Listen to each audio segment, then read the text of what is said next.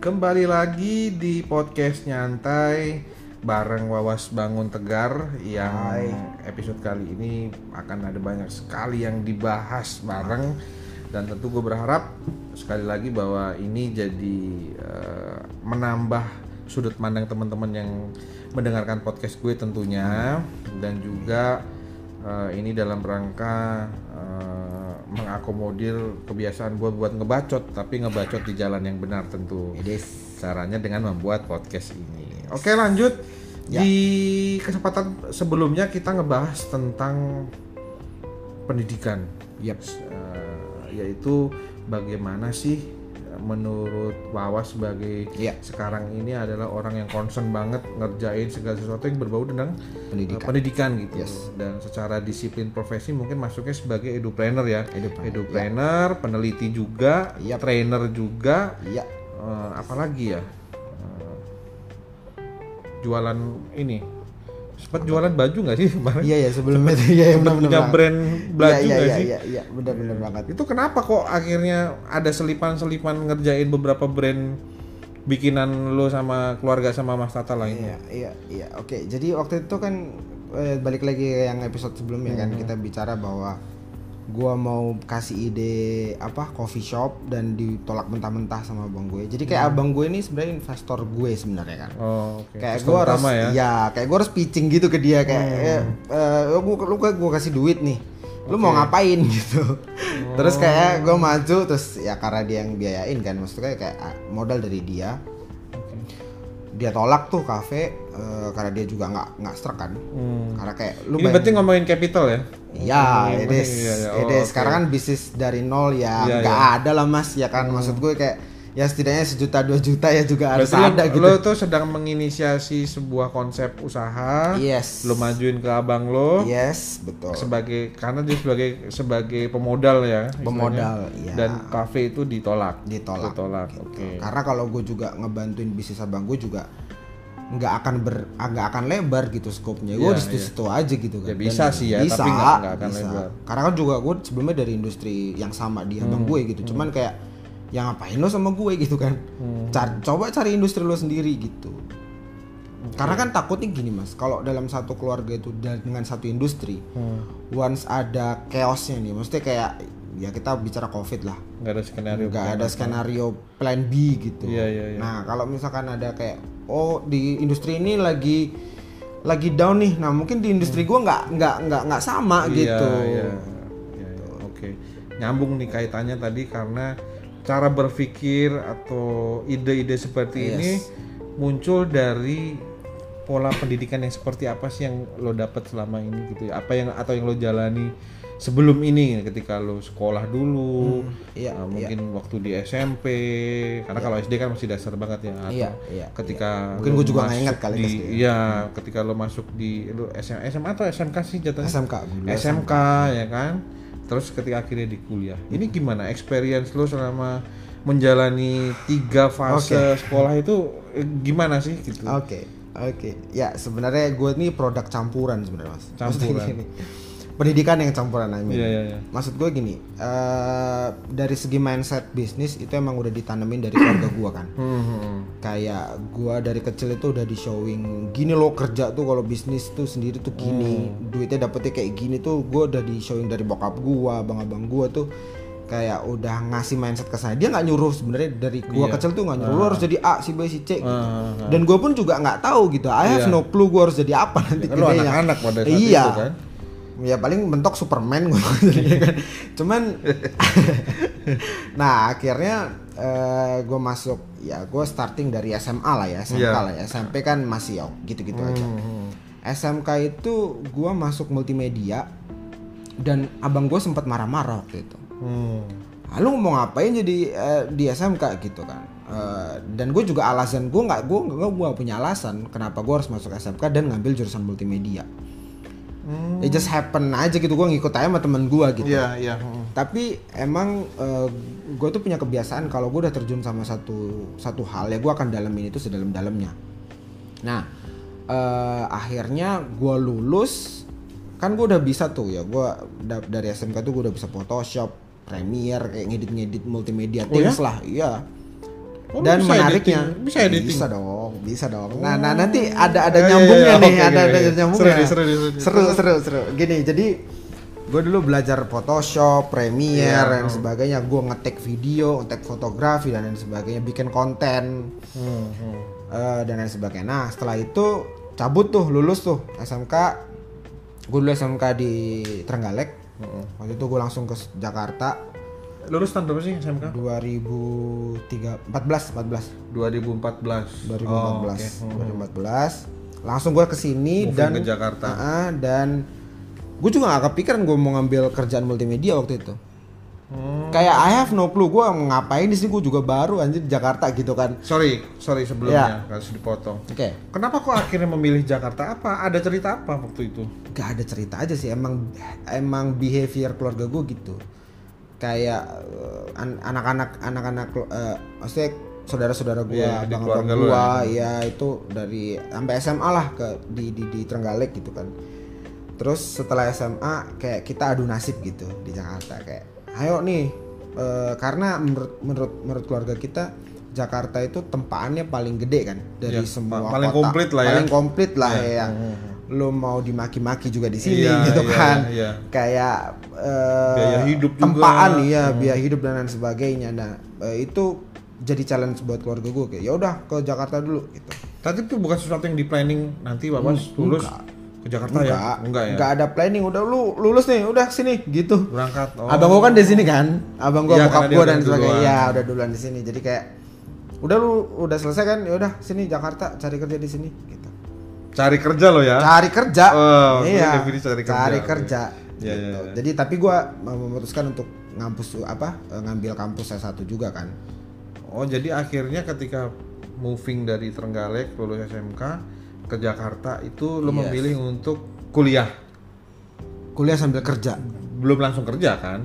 Belum tahu. langsung mas Oh langsung. langsung jadi abang gue udah langsung ngasih kerjaan Weh, adik gue datang nih lu ada kerjaan nggak gitu nah gue dikasih Oh. temennya nih nah temen ada kerjaan gue ikut temennya nih Ini ini yang pas properti itu ya? properti jadi Yang di temen abang gue ya temen abang gue itu direksi di Majestic situ Hmm. jadi gue dikasih nih pak eh, Ada adik gue ada adik nih. gue nih gitu Coba di diajak sana. kerja gitu. sebenarnya dia bisa aja kan gue kerja di tempat dia tapi dia nggak mau ah ntar manja oh, Iya, cari iya. aja tempat lain Keluar. gitu Oh oke. dan I have no clue juga gue harus kuliah satu di mana gitu ini kocak beneran kocak Hmm. jadi bokap gue kan sering nongkrong di Menteng di Oke. daerah Menteng Huis itu. Terus gue bilang sama Cikini ya? eh, Cikini ya. Hmm. terus gue bilang sama bokap gue pak gue mau kuliah. Oh. Depan itu gue suka nongkrong di Menteng Huis tuh. Depan situ ada ada kampus gitu. Hmm. lah kita nggak nggak tahu gue nggak riset tuh akreditasinya apa ambil jurusan apa gue Iya. nggak tahu gitu. Karena gue kayak bener-bener gue mau ngapain gitu. Iya iya iya. Oke. Terus udah tuh sampai daftar S1 itu diantri sama bokap gue bang. Kayak kayak dianterin daftar SMA tau gak lo, SMP gitu kayak bu ini anak saya mau kuliah, gitu Di tempat yang di mana dia yang dia yang, Yang dia, dia tahu sering karena lihat. dia sering ngopi di dekat deket situ Kampus itu. deket kampus nah itu kampusnya Mercubuana tuh Hmm. di kampus Menteng Iya iya iya. terus gue ditanyain sama dosennya gitu kan mas mau ambil apa terus gue jawabnya apa Hmm. yang bagus apa ya bu Gitu.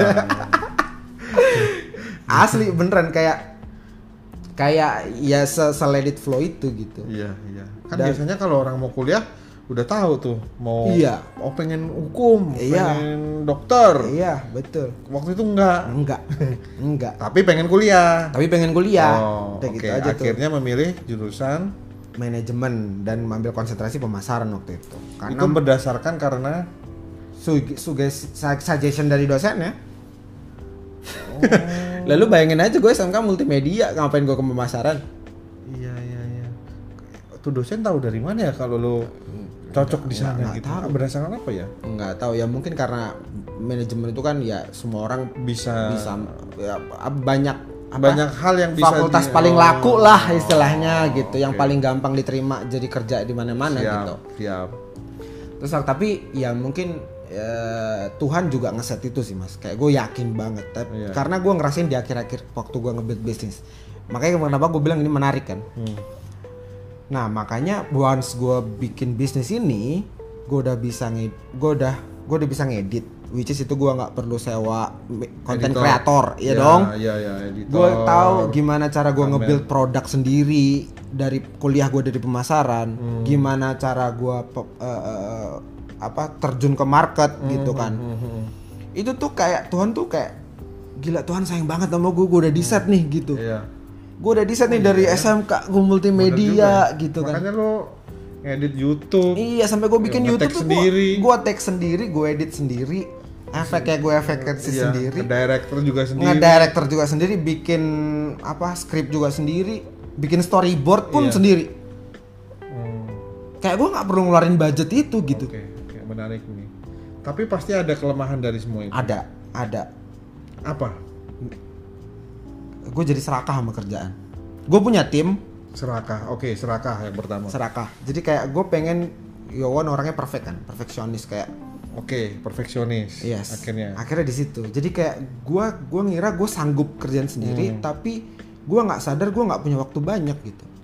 Hmm. Sampai gue punya tim pun, kadang kalau gue nggak post gue tat sendiri kerjaan tuh. Hmm. Ngefek nggak ke trust trust ke tim? Transition, iya, Kok lo gini sih ngerjainnya gitu? iya, iya. Kayak, padahal mungkin itu sebenarnya bagus gitu. Sebenarnya bagus, Tapi cuman lo- nggak sesuai dengan perspektif gue aja. Sebenarnya itu itu layak, Iya, iya, iya. layak banget. Cuman nggak sesuai dengan keinginan gue aja. Oh.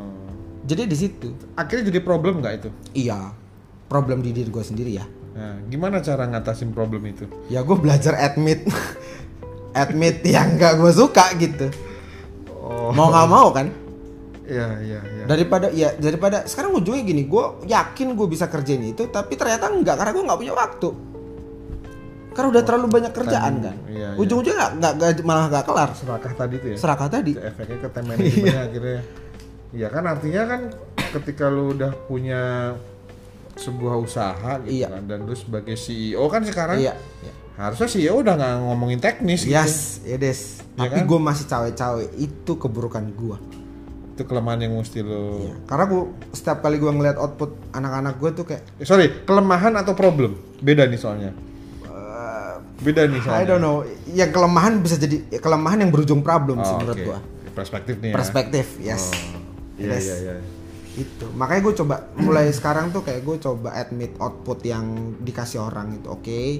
Selagi ini layak, why not? Hmm. Dan gue coba komunikasi. Sebenarnya intinya komunikasi kan mas. Ya, ya, komunikasi kayak benar. gue komunikasi sama tim gue gue maunya gini loh gini gini gini gini gini gini gini coba deh nanti uh, next project outputnya kayak gini ya seenggaknya mendekati lah Oh. Gitu. Ya, ya, ya. mulai dari sisi promosi ya kan dari awal kan gue yang edit ngedit sendiri mas Hmm. Once orang lain yang megang ya akan beda dong hasilnya dong Hmm. Oke, jadi balik lagi nih ngomongin eh, yang di awal tadi bahwa apa yang lo jalanin sampai dengan hari ini itu adalah produk dari sistem pendidikan kita yang eh, ada sekarang. yes yes betul Nah, menurut lo gimana itu tentang ya ada yang perlu dibenerin nggak sih atau atau atau apa ya? Atau lo punya sudut pandang sendiri nggak sih tentang berdasarkan dari yang lo jalani dan sekarang yang lo yang lo yang lo rasakan gitu setelah lo sudah sudah punya usaha, lo ngelit tim, lo ngekonsep sebuah eh, konsep bisnis dari eh, apa yang lo pelajarin ketika eh, kuliah waktu itu. Jadi dari aspek kampus itu ngajarin lo sama lo sebagai mahasiswa eh, ngenang, menangkap tentang apa yang diajarkan sama kampus. Edes. Boleh. Edes jadi Cerita tentang itu. oke jadi sebenarnya kalau gue ya ini juga berkaitan sama sistem ngajar gue sekarang kan Hmm. gue tuh selalu mengkombinasi antara akademis dan praktis karena selalu ada dua sisi Akademis dan, dan, praktis. Jadi Oke, akademisnya dulu. dari sisi teori, Eh, teorinya ya. teori. Jadi segala sesuatu itu kalau di base didasarin sama teori itu akan berjalan sesuai dengan planning kan. Hmm. Bener kan? Oke, oke. Karena teori itu dibuat sebagai panduan kan sebenarnya. Panduan. Untuk mengurangi kesalahan-kesalahan teknis yang ada di lapangan. Hmm, juklak lah ya bahasanya. Yes, yes. Sebagai juklak. ya. Dan teori kan produk saintifik ya. Iya, produk saintifik dan itu juga based on lapangan, based on Iya, praktis. Iya, sebenarnya. based praktis. Karena tanpa ada praktis teoritis nggak akan muncul. Pasti. Iya. Benar. Oh, oke. Nah, dan eh, yang yang harusnya di, jadi masukan input sistem pendidikan jangan selalu teoritis. Oke, teoritis itu perlu Hmm. sebagai base, sebagai pondasi ilmu pengetahuan. Iya, iya. Tapi mesti gimana caranya akademis tadi, teori-teori tadi itu diimplementasikan sehingga dia bisa jadi praktis gitu. Hmm. Makanya kan ken- kenapa gua ya yang tadi gue bilang Tuhan itu udah ngeset gue gitu. Kayak Hmm. gue disuruh kuliah buat cari akademisnya, Oke. gue kerja buat praktisnya. Jadi once apa yang gue catat di kuliahan, langsung gue praktekin tuh di hari Seninnya. Ya kan gue Sabtu kerja nih. Iya iya. eh iya. Sabtu kerja, Sabtu kuliah Sabtu nih. kuliah. Ya, gue taking notes tuh apa yang diomongin dosennya tuh. Catat semuanya. Catat semua. Nah, Senin kan gue bisa langsung praktekin. Dan itu nggak nggak mungkin nggak banyak dilakukan sama Orang-orang lain. lain yang pada saat itu barengan sama lu. Betul. Makanya gue selalu bilang ke mahasiswa gue kayak Bisa jadi berarti tempat kerja lo yang mana di Majestic ya? Yang properti itu ada mini lab lu ya? mini lab gua Langsung Edes. ramu tuh. Edes. Oh ini gaduk ini sini segala macam. Oh, Iya, sampai gue diterima ke PMA, Mas. Dari Majestic ke PMA kan Iya, pasti iya. ada ada ada eskalasi effortnya kan kayak gue dapet teori, gue implementasiin, dapet teori, gue implementasiin. Hmm. Dan kebetulan waktu itu kuliah gue itu isinya orang udah kerja semua. Jadi gue dihadapkan pada lingkungan yang emang pola pemikirannya itu udah udah nggak yang hahaha di cafe Iya. or something ngomongin gibah nggak jelas nggak kita kita duduk di kafe duduk di kafe ngerjain tugas dan sebagainya. Tapi kita udah ngomongin eh kerjaan lo gimana? Oh, gue di kantor begini nih begini apa yang harus gue lakuin? sharing masalah yang mereka hadapi di kantor cari solusinya di situ juga gitu. Jadi kita tuh diskusi pikiran di situ. Menarik diskusi pikiran. diskusi Iya, pikiran iya, iya. gitu. itu kata Rocky Gerung sih gua gua Iya, ngambil Jadi Prof. materi kuliahnya sebatas teori aja. sebatas teori aja Oh. yang mesti diimplementasikan Oke. karena ada yang bilang balik lagi ke quotes lagi nih Hmm. teori tanpa praktis itu sama aja bohong. Hmm. Sama juga praktis tanpa teori juga bohong. Hmm. Karena duanya saling berkaitan gitu. Iya iya. Kayak lu minum obat nggak pakai panduan gimana? Mati ya? Iya nggak tahu dosis. iya nggak tahu dosisnya. Kapan saat harus diminum, Iya. kapan nggak boleh diminum. Bener lu tahu dosisnya tapi kalau nggak ada obatnya sama aja nggak sembuh sembuh juga. Hmm. Obat tetap obat. Obat, Ini tetap obat. Mati ya. Barang mati. Iya iya iya. Ya oke. Eh, Des. Seru, Alright. seru, seru, ya, seru, ya, seru, ya. seru. Tapi gua ya gua alhamdulillah banget gua Hmm. terima kasih buat sama apa ya gua selalu bersyukur karena semua ini kan yang ngeset Tuhan kan Iya, kayak iya. kayak gua ya mungkin ambil different gue yakin Hmm. Tuhan tuh build gue different kayak nggak yang ikut pola kehidupan yang lain gitu orang lain kan Hmm. ya kuliah lulus baru kerja gitu kan Karena kan produsen si teori ini kan ada di kampus ya. yap Sebagai pabrik pabrik ya pabriknya lah buat Produsen mencetak- teori ya, lah. ya produsen teori kemudian mencetak mahasiswa-mahasiswa yang unggul lah istilahnya Iya. jadi menurut lu gimana tentang oh ini kampus baik bagus nih oh ini kampus nih gak bagus nih gitu untuk ngejudgment ap- apa yang apa yang eh, lu setuju gak dengan itu maksudnya oh ini kampusnya top nih Oke, oke, Nah, menarik, ya kan, menarik. kan? Ini bicara stereotip, Iya. stereotip. Ya, let's say kayak, Iya. oh anak gue harus ke UI, tentang ke ITB, institusinya eh, IDES, tentang know, I got institusi it. tentang lembaga pendidikannya karena. Karena ini juga problem sekarang kan Iya, iya. maksudnya jadi orang berlomba-lomba buat masuknya ke sana gitu Hmm, betul. tapi di satu sisi juga sebenarnya ada kampus-kampus lain yang bisa jadi alternatif dan tapi terkesan tidak diperebutkan gitu Iya, ya. iya, dan jadi second option lah Nah, ya, ada alternatif lah ya. option. benar tapi menarik ngomongin ini nanti di part selanjutnya Oke. terpisah Yap. nanti kita Right. akan bahas itu lebih lebih detail sesuai dengan apa yang menjadi keresahan orang-orang sekarang Sip. Lanjut di part 2 tetap di podcast nyantai, nyantai bareng gue Oki Madianto. Alright.